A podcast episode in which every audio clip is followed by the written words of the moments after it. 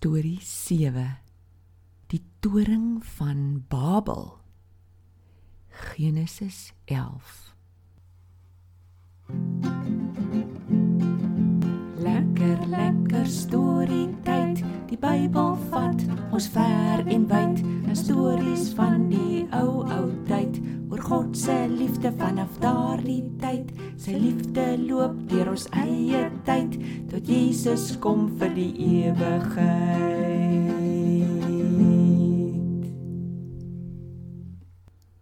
Hallo Gods. Hallo Donnie. O, as dit weer lekker storie tyd. Hallo julle. Ja. Kom ons vertel nog een van die lekker stories uit Genesis. Donnie, ek wonder nou. Ons vertel die stories in Afrikaans. Maar watter tale het Adam en Eva en Noag en Netisalag en daai ouens getroud? Dis nou interessant. Nee, ek weet nie wat het hulle die taal genoem nie, maar ek weet dat al daai mense net een taal gepraat het. Hoi. Maar daar kom al ons daai tale dan vandaan. Kom, ek vertel julle die storie van die toring van Babel. Dalk verstaan jy dan. O, lekker. Vertel asseblief vir ons 'n toring storie. Soos ek gesê het, die mense het almal een taal gepraat. Almal kon vir almal verstaan. Baie mense het by 'n groot vlakte in Sinar gaan woon. Hulle het huise gebou van klip en klei. Mense wou net nog en nog huise bou en het seker begin sukkel om genoeg klippe te kry wat reg is vir huisbou. Iemand kry toe 'n plan. Kom ons maak vir ons stene. As dit klaar is, brand ons dit in 'n warm oond totdat dit kliphard is. 'n Ander een sê toe: "Dis nou 'n goeie plan. Dan kan ons baie meer huise bou. En weet jy wat? Ons kan asfalt begin gebruik in die plek van daai ou klei wat so maklik tussen die klippe uitreën. Dan is ons huise baie sterk." Dis nou interessant. Dat nou hulle doen alles dan nie. Hulle bou huise en plekke vir sport en allerlei dinge wat in 'n stad is. Maar eendag kom iemand met 'n nuwe plan. Hy sê toe: "Kom ons bou vir ons 'n toring hier in ons stad." Maar ek praat nie nou van 'n ou klein toringkie nie. Ek praat van 'n toring wat se punt tot in die hemel reik. Almal moet dit van baie ver af kan sien. Ons sal belangrik word want almal gaan weet van ons stad met sy hoë toring.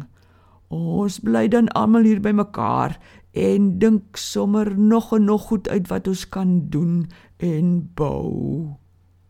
Donnie Dat sê God toe van al die draadjies van die mense. Tobias, God het die toring en alles wat die mense doen en beplan mooi bekyk. Toe sê hy: Die mense het nou een taal en is een volk wat op een plek bly. Ek wou hê hulle moes oor die hele aarde versprei het. Tobias, ek dink die mense het begin glo hulle is so baie, hulle kan mekaar help en het heeltemal van God begin vergeet. Hulle het al meer en meer gedink dat hulle hom nie nodig het nie, want hulle sou 'n sterk stad en toring hê. Wat doen God toe met hulle toring en hulle plan? God het niks met hulle toring gedoen nie, maar hy het 'n splinternuwe plan uitgedink wat maak dat mense terwyl oor die hele aarde versprei het. Anita plan. Laat ons hoor. God het daai dag presente uitgedeel. Splinter nuwe tale. Vir 'n paar mense het hy een soort taal gegee. Vir 'n ander klomp het hy weer 'n ander taal gegee wat die vorige mense glad nie kon verstaan nie. By die bou van die toring vra die een oue steen en die helper gee vir hom water. Die ander een wil vir sy maat raad gee oor die bouery, maar sy gepraatery klink net soos gebrabbel, gebrabbel, gebrabbel. Oi, regtig? God gee totale vir die mense dat hulle nie voorheen geken het nie. Dis wonderlik.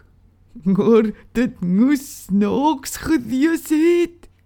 Ek dink nogal so. Maar die mense het seker ook kwaad geword vir mekaar. Want dalk het hulle gedink die ander een terg hom en maak asprus vreemde geluide. Sjoe, dat doen die mense toe.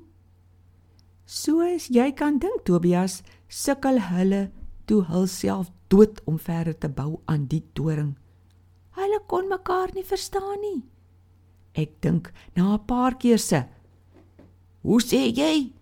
En maak oop jou mond en spreek jou woorde duidelik uit en hou op om jou snaaks te hou.